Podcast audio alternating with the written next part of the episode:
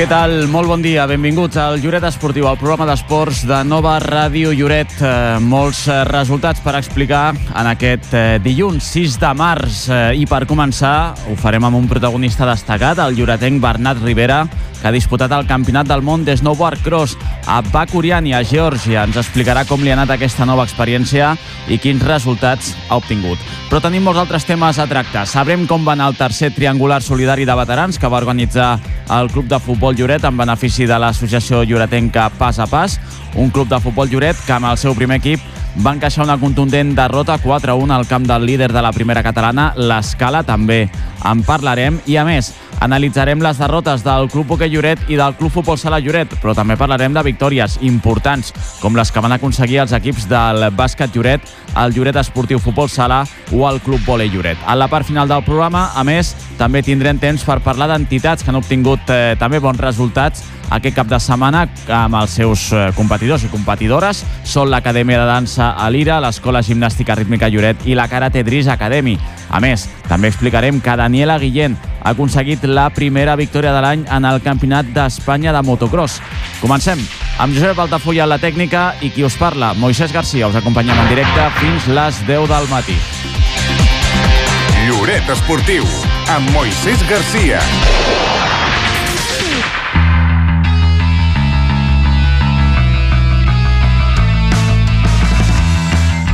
Les 9 i 5 minuts del matí anem amb els titulars. Daniela Guillén aconsegueix la primera victòria de l'any en la cursa disputada al Vall de València en el Campionat d'Espanya de motocross. La lloretenca va ser la més ràpida de les dues curses disputades aquest cap de setmana i va poder sumar els 50 punts, mostrant una gran tècnica i situant-se en primera posició des de l'inici. D'aquesta manera, Daniela Guillén comença a fer camí amb l'objectiu de revalidar el títol de campiona. El club de futbol Lloret no pot tornar amb un resultat positiu en el seu desplaçament al camp del líder de la primera catalana, el Futbol Club L'Escala, i cau per un contundent 4 a 1.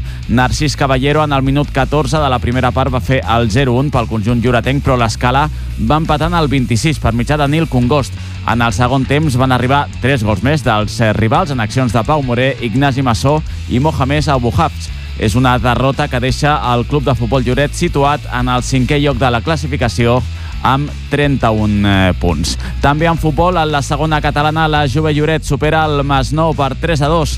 La Juve es va avançar en el primer temps amb dos gols per mitjà de Luciano Urán i Luis Cabrera, però els rivals van empatar en la represa. Tot es va decidir a l'últim minut amb un gol de Mateo Rodríguez que va deixar els 3 punts a Lloret. Amb aquest triomf, la Juve acaba la jornada 5è amb 27 punts.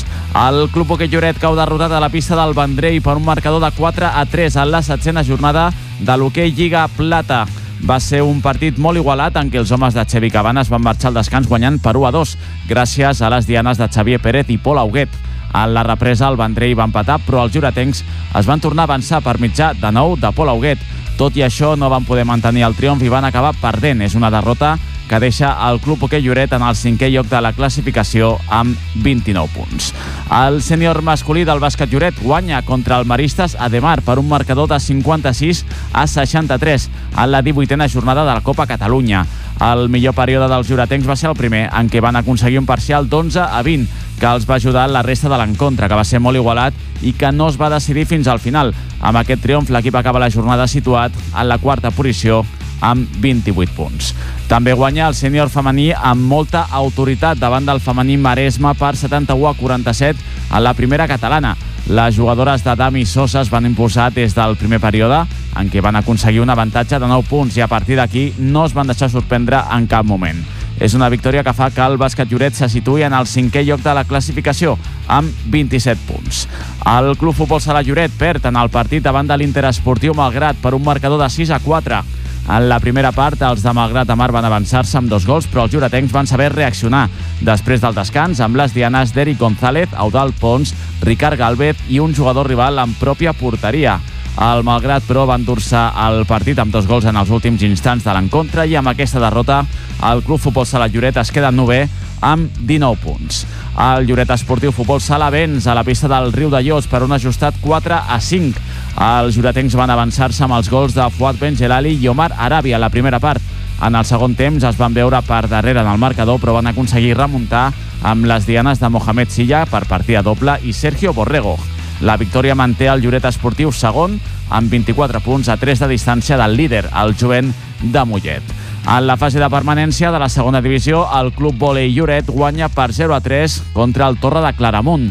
Les jugadores de Gerardo Rey van ser molt contundents en tots els períodes. El primer set va acabar amb un parcial de 19-25, mentre que el segon es va resoldre amb un resultat de 15-25. En el tercer i últim joc, molta superioritat de les juretenques amb un parcial de 9 a 25 que va servir per, trencar, per tancar el partit amb el definitiu 0 a 3. Amb aquesta victòria, el Club Volei Lloret és setè amb 3 punts.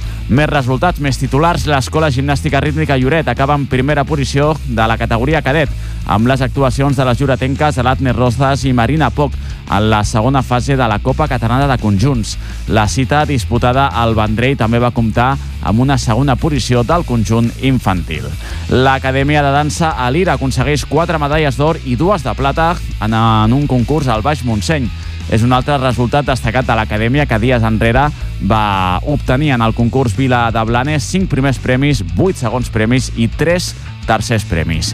I la Karate Tris Academy torna de l'Open Internacional de Saragossa amb 3 medalles en la modalitat de comitè. En la categoria a la vi, dues van ser d'or per Daniel Cruzado amb menys de 34 quilos i Sofia Boico amb menys de 32 quilos.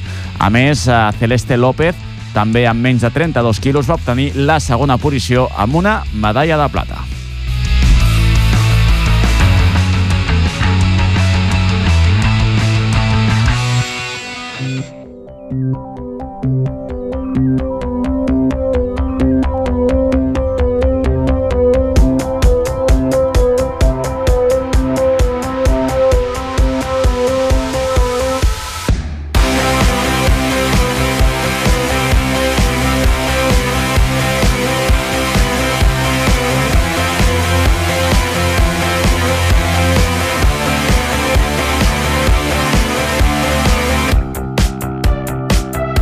Lloret Esportiu.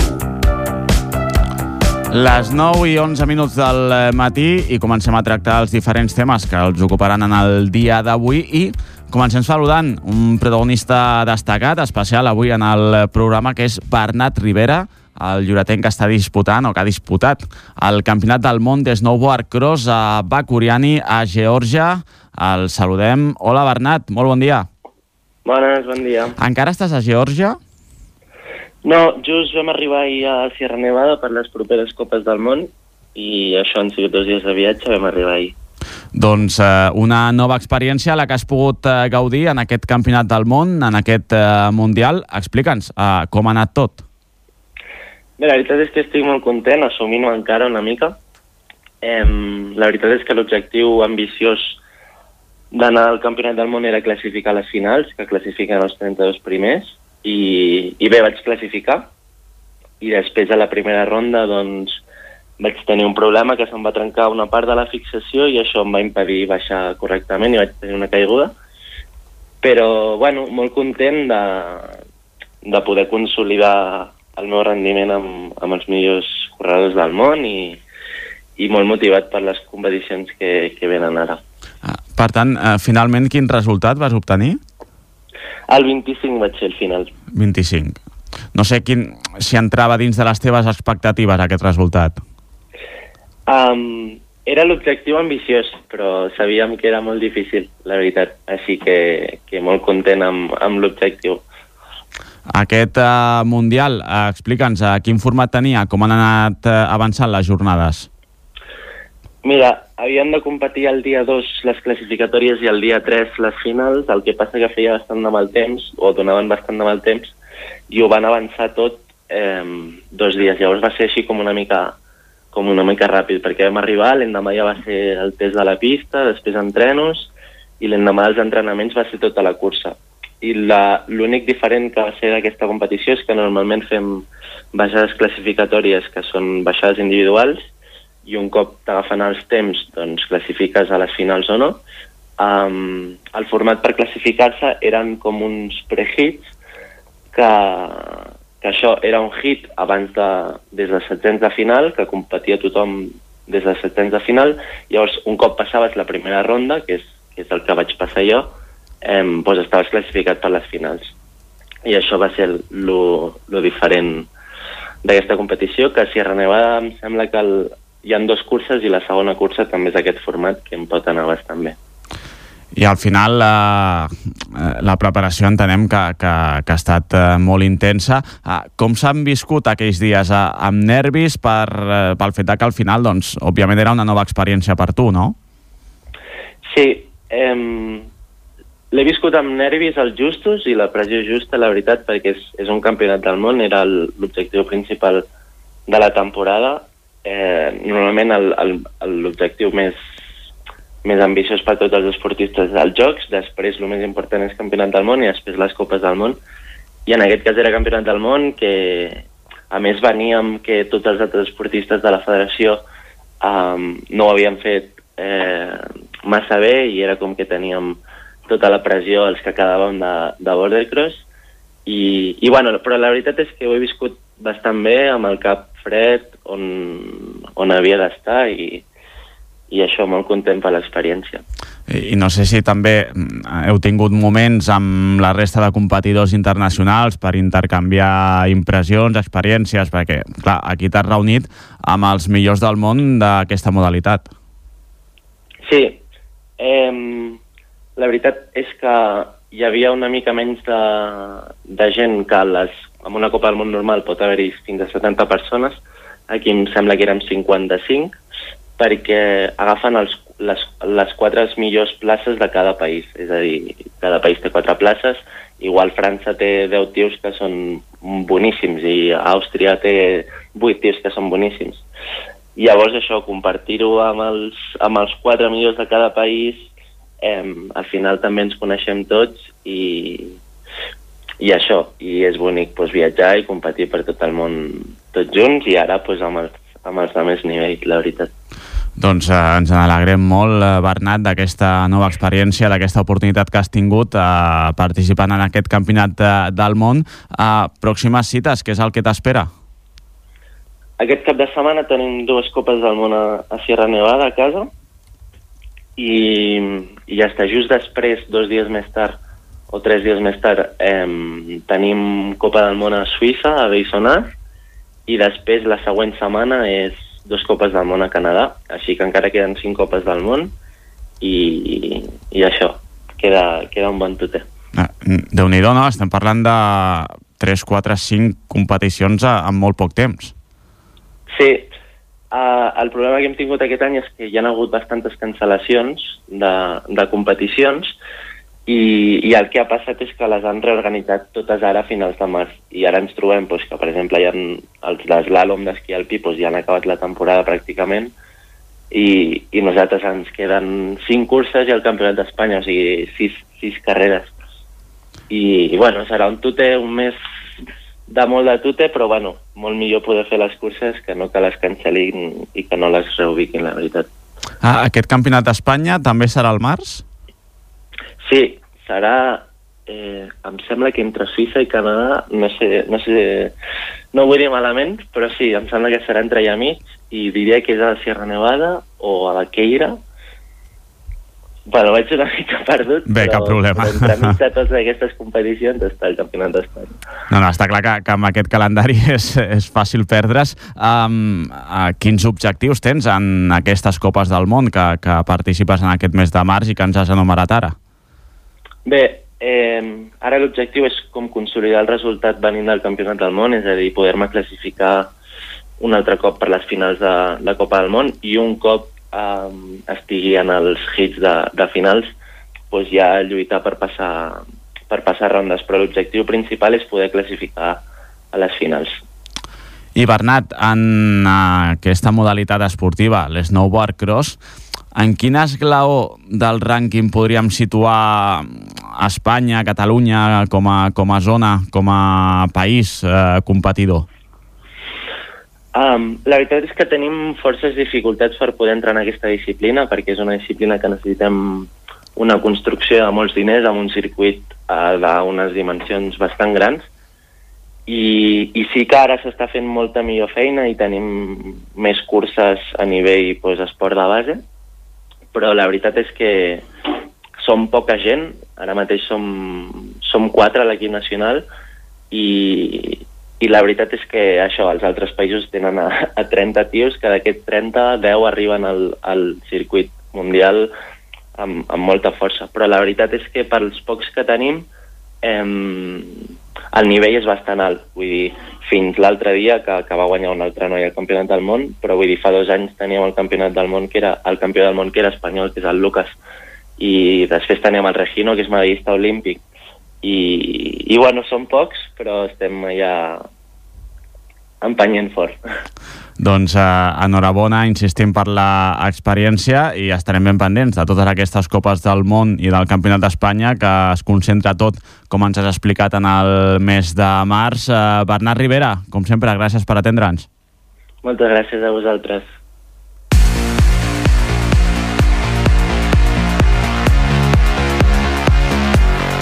De 9 a 10 del matí, Lloret Esportiu. Parlem del que t'interessa.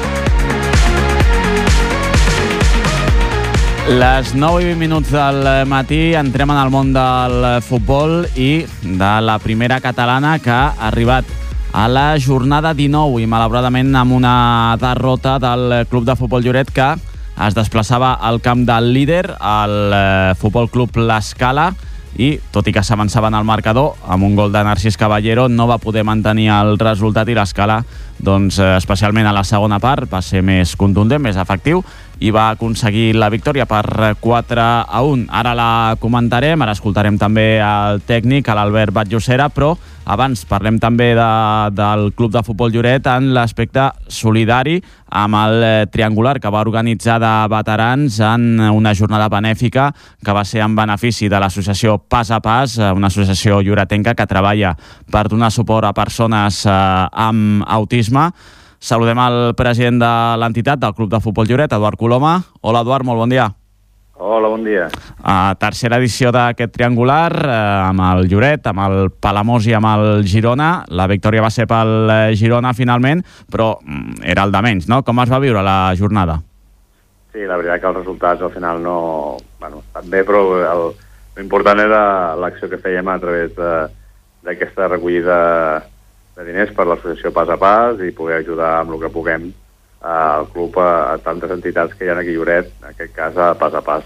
I la veritat que va ser una jornada molt, molt bonica, va ser una jornada amb, que hi havia molta gent, que la gent va participar, agrair també als veterans del Palamós i el Girona, i bé, un any més doncs, consolidarà aquest triangular de solidari de veterans. Eh, recordo que en la prèvia d'aquest triangular ens explicaves que sempre era un torneig que eh, pel que fa als equips participants eh, sempre havia tingut molt bona acollida, molt bona resposta i tot i que encara no s'ha comptabilitzat no, la, la recaptació, però una part d'aquesta recaptació sabem que l'ha donat el Palamós i també el Girona que va col·laborar en el sorteig eh, aportant una samarreta signada pels jugadors de la seva primera plantilla. Sí, normalment cada any el, tant el Palamós com el Girona hi col·laboren i també el que fem és un sorteig i, i el que fem és això, no? que intentem que gràcies a aquests equips i gràcies a, al sorteig que es fa, que col·labora tothom, poder donar el, bueno, el màxim, no? A la Guardiola sí que es quedarà unes setmanes més en el camp, i tot i que hem fet el sorteig, però hi ha una Guardiola en el bar del camp municipal que es quedaran unes setmanes més per, per intentar recollir el màxim possible. Doncs eh, animem a tothom a seguir participant, a seguir fent les seves aportacions en aquesta Guardiola Solidària per l'associació Pas a Pas. I d'altra banda, eh, Eduard, preguntar-te també per al resultat del primer equip. Una, era una jornada molt destacada, era un partit eh, important i complicat. Al camp del líder, finalment 4-1. Eh, us avanceu en el marcador, però eh, tot i que es va fer una bona primera part, al final a la segona l'escala va ser més contundent. Sí, la veritat que el Joet surt molt bé, marca el gol, eh, bueno, en un partit molt important, tots sabíem que és el líder, s'ha reforçat, vull dir, eh, amb, amb Pau Moré, entre altres jugadors, eh, és un equip que, que va líder i que la veritat que costa molt en el seu camp guanyar però bueno, el Lloret va fer el seu joc, va, va, la primera part jo crec que, que vam estar bé i a la segona d'un possible 2 a 2 va passar el 3 a 1 i aquí, bueno, el quart ja va ser una errada nostra bueno, eh, l'escala per això és líder, no? però sí que era un partit que, que nosaltres hi anàvem i, bueno, a vegades te surten les coses, a vegades no, hem de continuar. Ja dic, eh, l'escala segueix més líder, però nosaltres l'objectiu és estar en aquesta Superliga i, i treballar-hi per, per, bueno, queden molts de partits encara, però la veritat que era un partit que, que bueno, teníem tot allò de, de poder donar-li la volta, no? tot i sabent la dificultat de l'escala. I ja dic, va ser un partit que, tot i avançant, eh, van tindre bastant controlat la primera part, la segona doncs, va, se'ns va escapar, diguéssim, amb el 3 a 1. Ara, amb aquesta ja distància, eh, clar, d'11 punts respecte al primer classificat, eh, el Lloret s'ha de centrar en classificar-se sí o sí en aquesta Superliga catalana?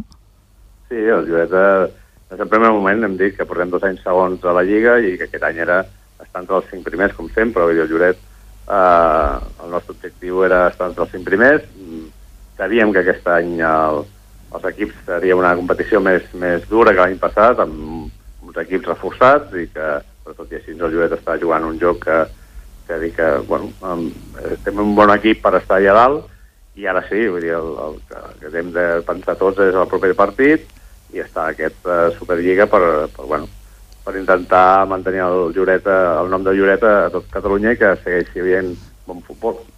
Doncs uh, molta sort en les uh, pròximes cites en aquesta segona volta encara, molts partits per endavant en el campionat de la primera catalana i com sempre, Eduard Coloma, gràcies per atendre'ns. Gràcies a vosaltres, com sempre, bon dia.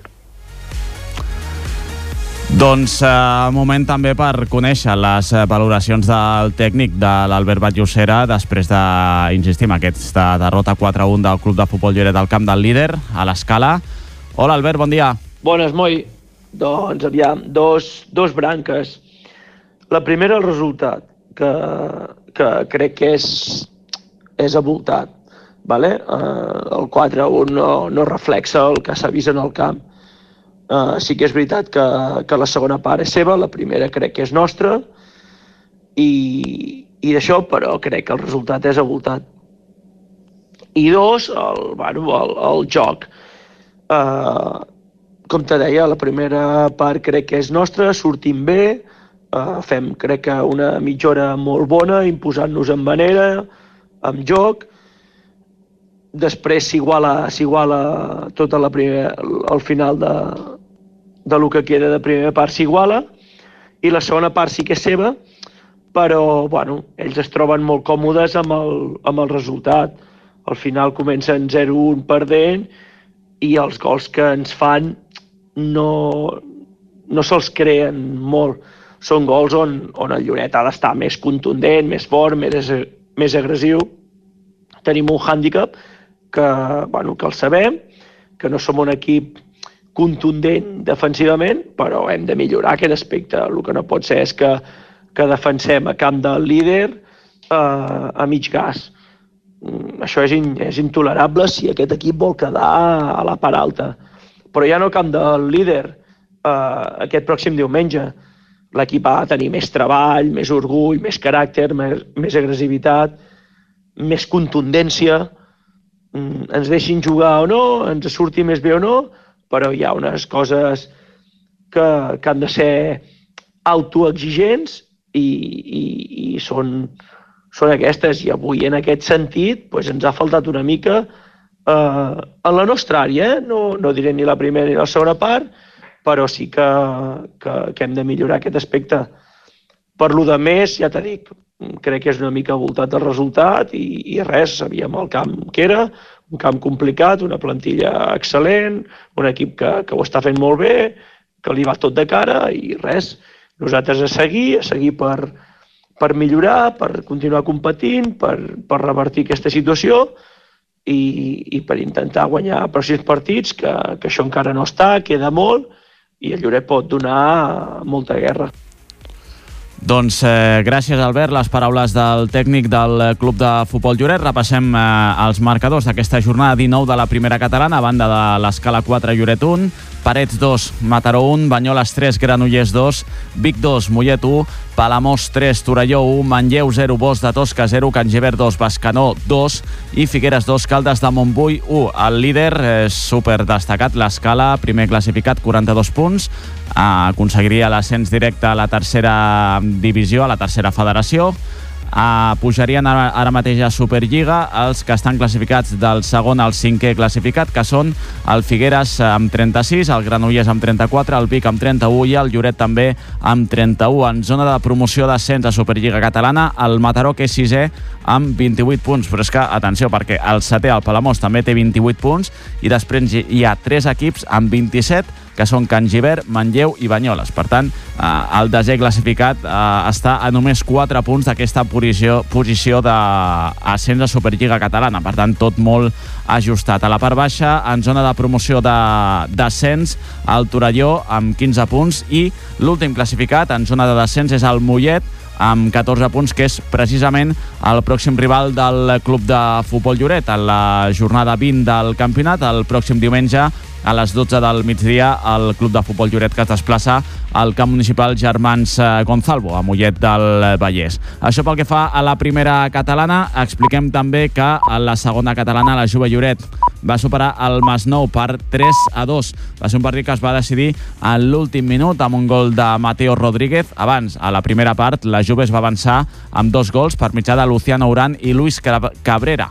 En la segona part, el Masnou va aconseguir aquest empat a dos momentani, però, com diem, un gol de Mateo Rodríguez en l'últim minut va deixar els 3 punts a Lloret de Mar. Amb aquest triomf, la Juve acaba la jornada en el cinquè lloc de la classificació amb 27 eh, eh, punts. Queda només una jornada d'aquesta primera fase de la segona catalana, però la Juve matemàticament no pot eh, arribar a aquesta fase d'ascens a la que es classifiquen els tres primers eh, classificats. La pròxima jornada, l'última d'aquesta primera fase, eh, farà que la Juve es desplaci al camp del Sant Pol per jugar aquest eh, diumenge a les 12 del eh, migdia. Hem superat el punt horari de dos quarts de 10 del matí, una petita pausa, i tornem amb més resultats. Gestiona els teus tràmits a l'Ajuntament de Lloret amb la cita prèvia en línia. Demana cita prèvia i gestiona els teus tràmits en línia a l'Oficina d'Informació i Atenció Ciutadana. Entra al web citaprèvia.lloret.org. Segueix el procediment de reserva amb el teu document identificatiu, correu electrònic i telèfon. Un servei fàcil, còmode, sense cues i disponible les 24 hores amb confirmació immediata. Per a consultes o incidències hi ha disponible el telèfon 872 220 640 46 872 220 646.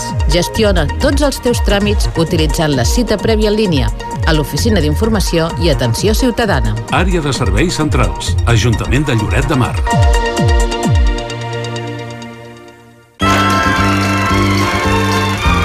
Cineclub Atla, el club dels amants del cinema al Teatre de Lloret. Aquest dijous a dos quarts de nou del vespre, projecció de Una història de amor i deseo. La història d'Ahmed, un noi de 18 anys, francès d'origen algerià, que ha crescut a l'extraradi de París i que descobreix una col·lecció de literatura àrab, sensual i eròtica que mai va imaginar que existís. Ahmed coneix a la Fara, una jove tunisiana plena d'energia que acaba d'arribar a París i de la qual s'enamora tot i que intentarà resistir-s'hi. Utilitza el servei de deixalleria municipal, l'espai on se'n recullen de forma selectiva els residus municipals que no tenen un sistema de recollida domiciliària o uns contenidors específics al carrer i que poden ser reciclats o aprofitats de nou per a altres usos. L'horari del servei és de dilluns a divendres de dos quarts de deu del matí a una del migdia i de dos quarts de cinc a les set de la tarda. Els dissabtes de 8 a una del matí.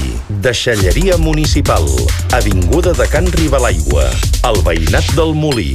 Els residus voluminosos no els deixis al carrer. Truca al servei habitual de recollida concertada al telèfon 972 36 89 22. Exposicions per visitar a Lloret de Mar. Fins al 14 de març, visita l'exposició Por ser mujer a la Biblioteca Municipal.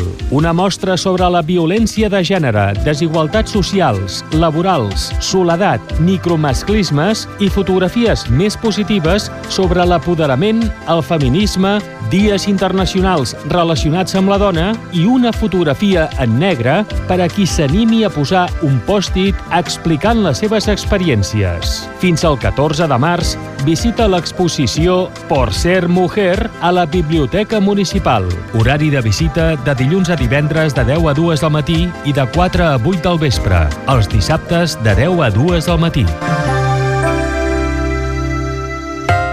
El jutjat de pau és el servei de cooperació judicial que facilita la comunicació dels altres òrgans judicials als ciutadans. El registre civil ofereix el servei que deixa constància dels fets o actes relatius a l'estat civil de les persones i aquells que determinin les lleis.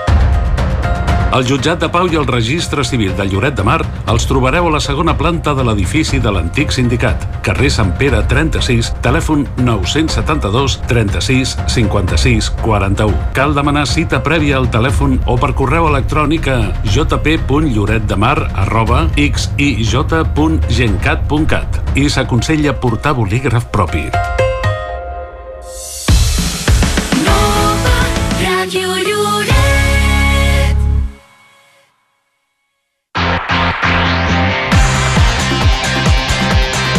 Esportiu, amb Moisés Garcia.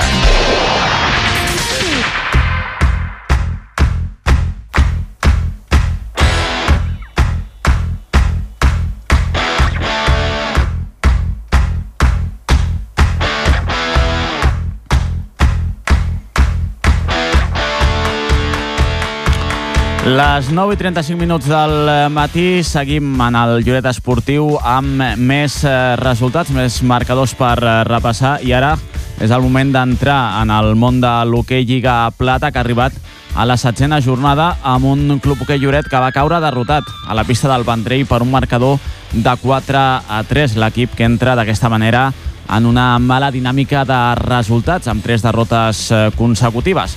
Va ser un partit molt igualat, això sí, en què els homes de Xavi Cabanes van marxar al descans guanyant per un gol a dos gràcies a les dianes de Xavier Pérez i Pol Auguet. A la represa el Vendrell va empatar, però els juretencs van tornar a avançar-se per mitjà de nou de Pol Auguet. Tot i això, no van poder mantenir el triomf i van acabar perdent. Una derrota que deixa el Club Hoquei Lloret en el cinquè lloc de la classificació amb eh, 29 punts. Volem conèixer les valoracions que fa l'entrenador del Club Hoquei Lloret, en Xevi Cabanes. Hola, Xevi, bon dia. Bones. Doncs bé, uh, encarem una, una tercera derrota consecutiva. Hem entrat en dinàmica negativa. Uh, crec que no, el resultat no és just perquè vam, vam generar moltes ocasions d'atac on, on vam perdonar molt. Això és una cosa que tenim que millorar mica en mica perquè generem moltes ocasions però són poc efectius i en canvi ells amb, amb jugades poc resolutives eh, sense tant perill els hi va entrar la pilota eh, tret d'això no puc dir que estigui content del partit però tampoc decepcionat del tot perquè al final vam fer un bon joc eh, i no ens vam mereixer per res del món perdre. Eh, jo crec que n'hi ha empatar. O sigui, el, el resultat hauria d'haver estat una victòria per tal com va anar el partit, però toca, toca seguir, encara una nova setmana, eh, juguem a casa contra la companyia i a veure si, si podem tornar, tornar a guanyar i, i encara al final de, al final de Lliga amb, amb una dinàmica positiva i, i intentar lluitar per aquestes posicions de dalt que encara no, encara no ho donem per perdut. Doncs uh, veurem, veurem com avança la competició a la que, bueno, a la que li queden ja acabadament eh, jornades, en concret sis jornades per eh, finalitzar aquesta Hockey Lliga Plata Nord. La jornada 16 del campionat, la d'aquest cap de setmana, a banda d'aquest eh, Vendrell 4, Lloret 3 ha deixat els següents eh, marcadors. Taradell 5, Sant Just 3, Olot 2, Mataró 2, ha empatat el líder de la categoria, el Mataró. Oviedo 2, eh, Sardanyola 3, Dominicos 4, Club Patí Congrés 0 i la victòria per 3 a 4 del Barça Atlètic a la pista del Companyia de Maria. Uh, per cert, uh, la classificació que uh, cada vegada uh, deixa més allunyat el Lloret, lògicament després dels últims resultats ja està a 11 punts del primer classificat el Mataró, que en té 40 com a primer classificat. Segon és el Barça Atlètic amb 35 punts. Tercer, el Taradell amb 34 i quart el Sant Just també amb 34. El Lloret, com diem, és el cinquè classificat amb 29 punts i la pròxima jornada el conjunt de Xevi Cabanes que jugarà a casa davant del Companyia de Maria serà el dissabte a dos quarts de nou del vespre en la que serà la 17a jornada d'aquesta Hockey Lliga Plata.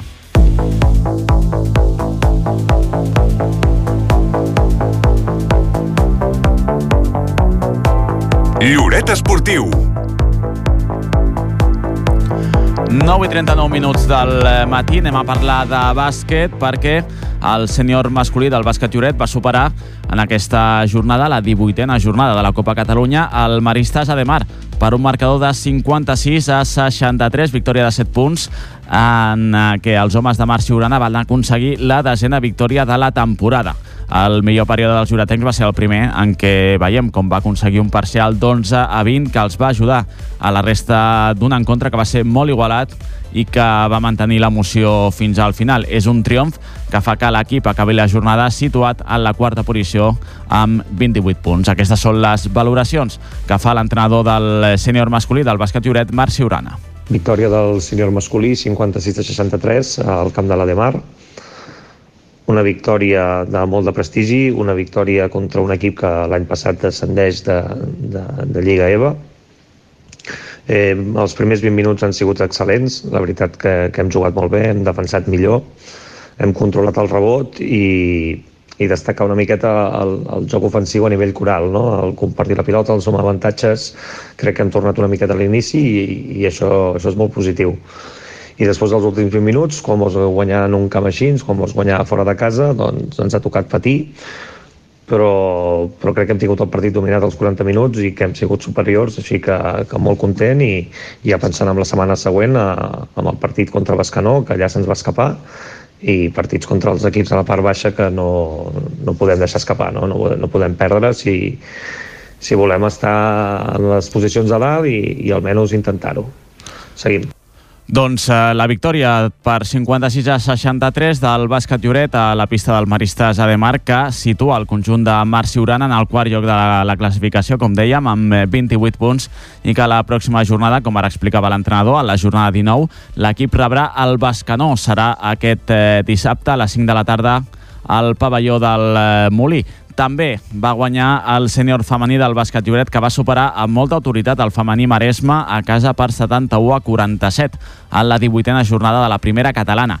Les jugadores de Dami Sosa, que es van imposar des del primer període en què van aconseguir un avantatge de 9 punts i a partir d'aquí no es van deixar sorprendre en cap moment. És una victòria que fa que el bàsquet Lloret se situï en el cinquè lloc de la classificació amb 27 punts i la pròxima jornada el conjunt lloretenc es desplaçarà a la pista del Bianya Roser eh, per jugar el diumenge a les 12 del migdia. Això pel que fa al bàsquet, però hem de repassar més resultats, per exemple, els que ha deixat la jornada en futbol sala, i és que el Club Futbol Sala Lloret va caure derrotat en el seu partit davant de l'Inter Esportiu Malgrat per un marcador de 6 a 4 en un partit molt igualat en què els dos equips van arribar al final amb opcions de victòria. En la primera part els de Malgrat de Mar van avançar-se amb dos gols, però els juretencs van saber reaccionar després del descans amb les dianes eh, d'Eric González, Eudal Pons, Ricardo Galvez i un jugador rival en pròpia porteria. El Malgrat va endur-se el partit amb dos gols en els últims instants de l'encontre i amb aquesta derrota el Club Futbol Sala Lloret es queda nové a la classificació amb 19 eh, punts. D'altra banda, hem de dir que el Lloret Esportiu Futbol Sala va vèncer a la pista del Riu de Llots per un ajustat 4 a 5 a la segona catalana. És una nova victòria que els manté a la lluita per la primera posició.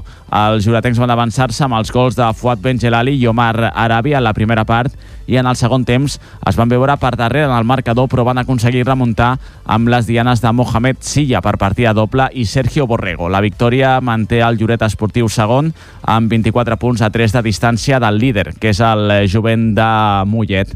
I una altra victòria, aquesta molt important, va ser la que va aconseguir el Club Ole Lloret, que recordem està disputant la fase de permanència per aconseguir salvar la categoria de la segona divisió. Va aconseguir la primera victòria a la segona jornada d'aquesta fase de permanència. Va ser per 0 a 3 a la pista del Torre de Claramunt en un partit on les eh, eh, van ser millors. Les de Gerardo Rey van ser molt contundents en els eh, tres períodes. El primer parcial, el primer set, va ser de 19 a 25. El segon va ser de 15 a 25 i molta superioritat a l'últim període que va acabar amb un 9 a 25 a favor de les eh, lloretenques que la pròxima jornada rebran la visita de la Salle Bonanova. Ara mateix les lloretenques són setenes a la classificació amb 3 punts i com diem, el pròxim rival, la Salle Bonanova, que se situa just per sobre, dos punts per sobre a la sisena posició amb 5 punts. Per tant, tot molt igualat en aquesta fase de permanència i encara moltes jornades per endavant perquè les jugadores de Gerardo Rey puguin aconseguir eh, l'objectiu de mantenir la categoria. Lloret Esportiu, amb Moisés Garcia.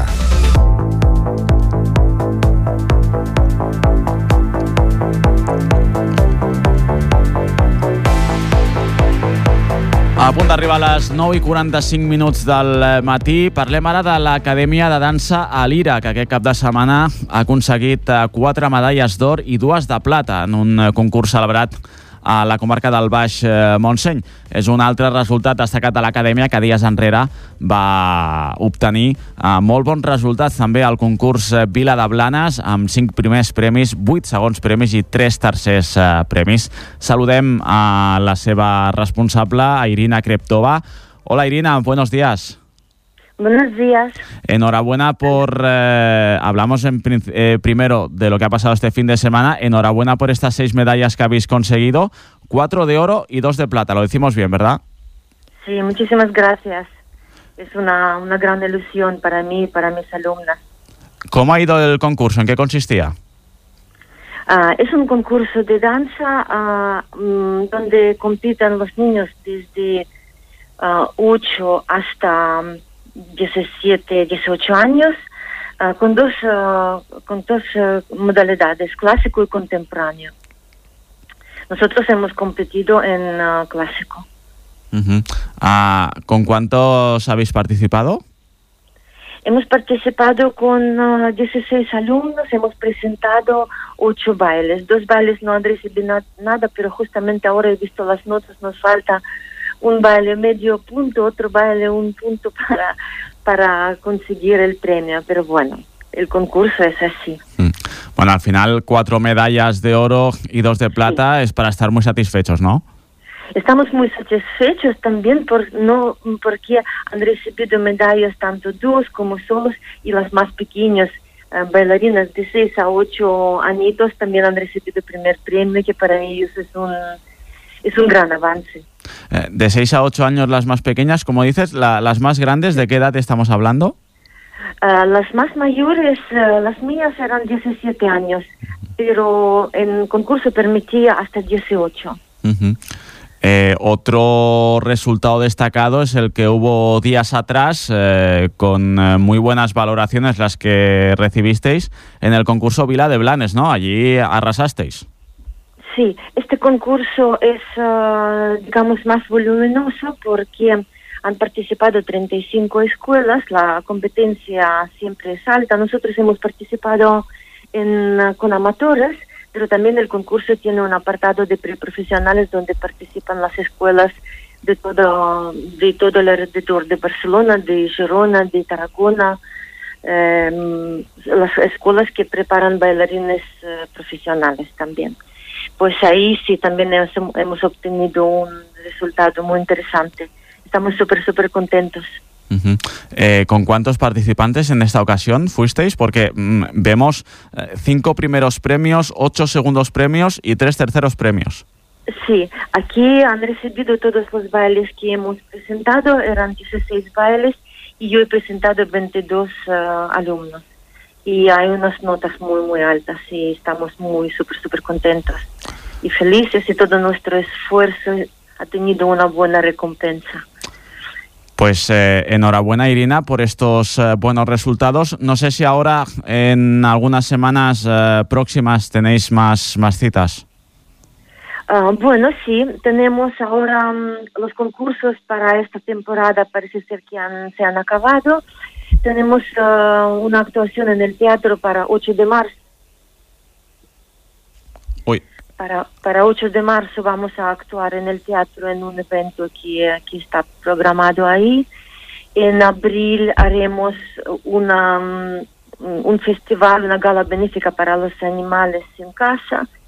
y ahora estamos pensando ir a Toulouse para un masterclass que están haciendo ahí en una sala de Toulouse, pero todavía estamos en ello, negociando. Pero bueno, tenemos un calendario muy interesante y luego prepararnos para, para fin de curso en junio. Así que trabajitos sí tenemos, con mucha ilusión. Pues eh, a seguir trabajando, Irina. Muchas gracias por explicarlo aquí en la radio. Gracias. Muchísimas gracias a vosotros. Buen día.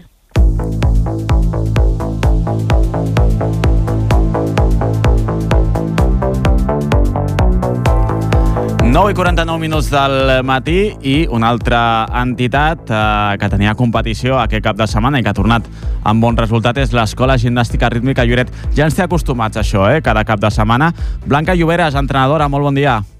Hola, molt bon dia. Uh, primera posició en categoria cadet i segona posició en infantils. Correcte. Com ha anat això? Explica'ns. Bueno, doncs molt bé. La veritat és que estem treballant molt fort, estem entrenant molt dur, ja que aquests dos conjunts s'estan preparant per poder accedir al Campionat d'Espanya que celebra a finals d'abril a Santander i les sensacions són molt bones. Ara ens queda un parell de setmanes per al Campionat de Catalunya i allà es decidirà pues, si marxem o no marxem, però bueno, tot, tot apunta que si seguim així, eh, aquestes gimnastes pues, marxaran cap al Campionat d'Espanya amb molta il·lusió, amb moltes ganes i sobretot disfrutant del camí, no? Que al final és el que costa. Parlem primer de les uh, cadets, perquè Alatne Rozas i Marina Poc són dos noms que, que, direm, que diem moltes vegades, no? déu nhi Sí, bueno, sí, sí, aquestes noies van començar l'any passat en aquest nivell i estan fent una magnífica temporada. Tant l'any passat ja van anar al primer seu campionat d'Espanya i ara es preparen pel seu segon i ahir van fer un exercici molt bo i bueno, els va donar la medalla d'or. Eh, animar-les a continuar treballant així i sobretot disfrutant, que és el que per mi és el principal, i veient que totes les coses que treballem dia a dia als entrenaments pues, al final dona el seu fruit, no? que és la satisfacció més gran que podem tenir. En el cas de les infantils, què, què els hi va faltar per eh, no bueno, arribar a la primera? Les infantils que s'estrenen a aquest nivell i pues, estem, estem molt contentes perquè la primera fase van quedar terceres, aquesta setmana van quedar segones. Bueno, encara estan una mica nervioses a l'hora de sortir pista, però ja ho estem treballant ja van veure que al final s'ha de sortir i s'ha de disfrutar i que si s'ha de fallar es fallarà i si no s'ha de fallar com estem treballant als entrenos no es fallarà i bueno, els hi fa respecte al nivell que estan ara però amb treball i amb feina ho aconseguiran i la veritat és que s'està veient l'evolució i això és el principal. Uh, Blanca, explica'ns quina diferència hi ha entre Copa Catalana i Campionat de, de Catalunya. Uh, bueno, les, és com, són com una petita lliga. La Copa Catalana ens fa fer unes lligues, unes diferents competicions, per després pues, per presentar-te al classificatori, que és el Campionat de Catalunya, que si no et presentes en aquest classificatori, doncs no pots accedir al Campionat d'Espanya.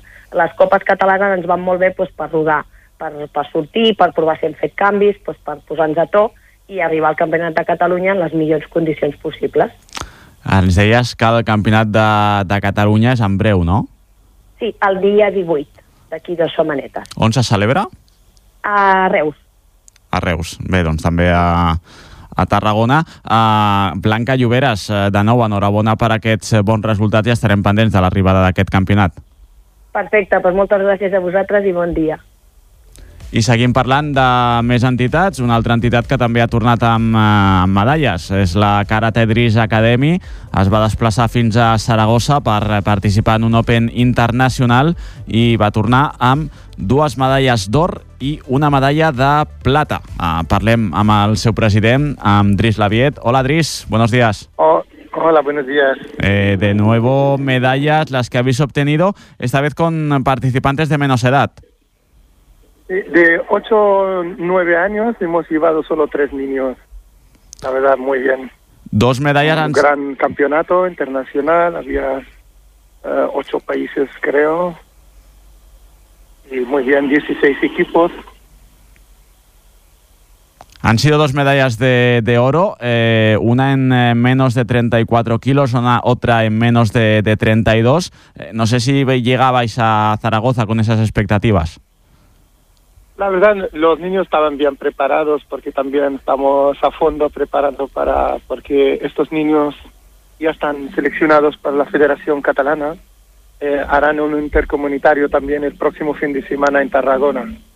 Y también lo hemos tomado como preparación pero también uh, el nivel ha sido muy alto, pero los niños estaban bien, bien mentalizados, le hicieron bien. Uh, hemos llevado solo tres, aunque en, están seleccionados con la Federación Catalana siete niños. A este campeonato hemos podido ir solo con tres y las dos niñas hicieron la final entre ellas. Una quedó primera y la otra segunda. Mm, por lo tanto, eh, estaba asegurada la, la, victoria en casa, ¿eh? La final. La victoria en casa, sí. El nene sí que tenía mucha gente, de muchos ha, se ha cruzado con gente de diferentes países, tanto de Bélgica, de también de Marruecos, se cruzó con gente de mucho nivel y la verdad y ha ido muy muy bien. Pues eh, enhorabuena, eh, lógicamente, por estos uh, resultados. Eh, explicamos que era en la modalidad de, de, de comité. De comité, sí, el comité. Bueno, los mismos niños y al próximo fin de semana tendrán un intercomunitario representando a la Federación Catalana. Tenemos siete niños que están seleccionados la Federación. Uh, harán un intercomunitario entre Aragón y Valencia y Cataluña y después ya nos dirán la lista definitiva que va a representar uh, el equipo catalán en el Campeonato de España. Pues eh... en Cáceres los días 22, 23, 24 de abril. Pues esperemos que tengan uh, mucha suerte y Dris, como siempre, muchas gracias por explicarlo aquí en la radio. Gracias, gracias a vosotros, merci.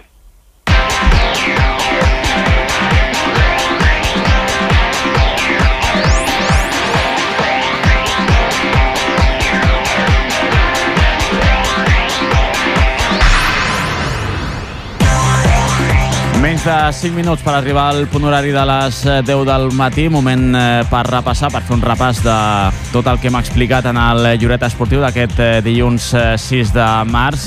Deixeu-me dir abans, o felicitar abans, lògicament, a Daniela Guillén, no l'hem pogut tenir avui en directe perquè es troba viatjant, però ha aconseguit la primera victòria de l'any aquest cap de setmana en la cursa disputada al Baida, a València, en el Campionat d'Espanya de motocross. La Lloretenca, com ja, té, com ja ens té acostumats, va ser la més ràpida de les dues curses disputades aquest cap de setmana i va poder sumar els 50 punts, mostrant una gran tècnica i situant-se en primera posició des de l'inici. D'aquesta manera, Daniela Guillén, que comença a fer camí amb l'objectiu de revalidar el títol de campiona. Un cap de setmana amb eh, molts resultats que els hem repassat aquí. Hem començat el programa, això sí, parlant amb eh, Bernat eh, Rivera, que ha participat per primera vegada en la seva carrera esportiva en el Campionat del Món des 9 quart Cross a Bakuriani, a Geòrgia. Ens ha explicat eh, com li ha anat aquesta nova experiència, quins han estat els resultats. Finalment ha estat el 25è classificat i ara li espera un mes encara, un mes de març eh, frenètic.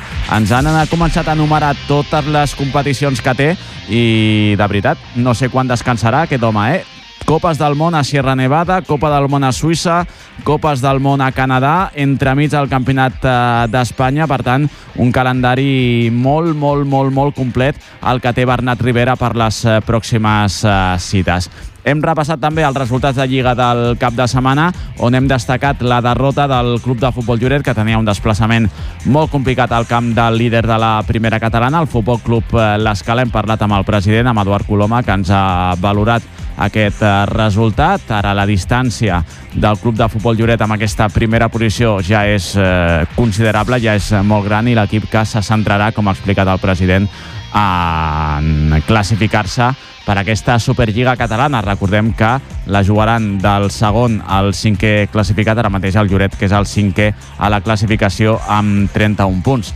Qui haurà de disputar la fase de permanència en la segona catalana, en aquest cas és la Juve Lloret, que tot i que va superar aquest cap de setmana al Masnou per 3 a 2, arribarà el pròxim cap de setmana, a l'última jornada, ja sense opcions matemàtiques de classificar-se per la fase d'ascens. Insistim, aquest cap de setmana, victòria per 3 a 2 de la Juve Lloret davant del Masnou. Però hem repassat molt més eh, resultats. Eh, una altra derrota, malauradament, que hem hagut d'explicar és la del Club Hoquei Lloret, la que va patir aquest cap de setmana a la pista del Vendrell, en la setzena jornada de l'Hoquei Lliga Plata. Entra en una petita mala dinàmica el Club Hoquei Lloret amb tres derrotes consecutives. Ens ho reconeixia Xevi Cabanes, que tot i això l'entrenador explicava que havien fet un eh, bon partit, un partit que havia estat eh, molt igualat, que de fet marxaven al descans per 1 a 2, però a la segona part el Ventrell va ser més efectiu i es va acabar endun els 3 punts per eh, el marcador que hem dit a 4-3, una derrota que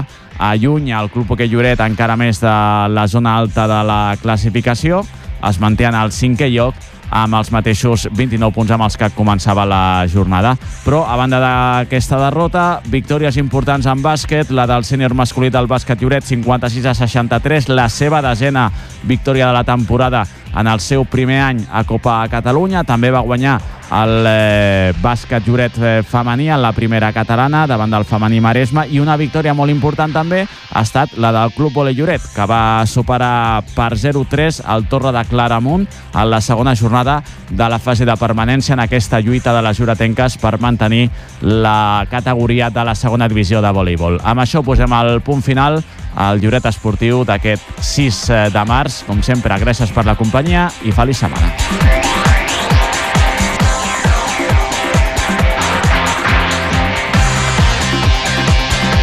Lloret Esportiu, amb Moisés Garcia.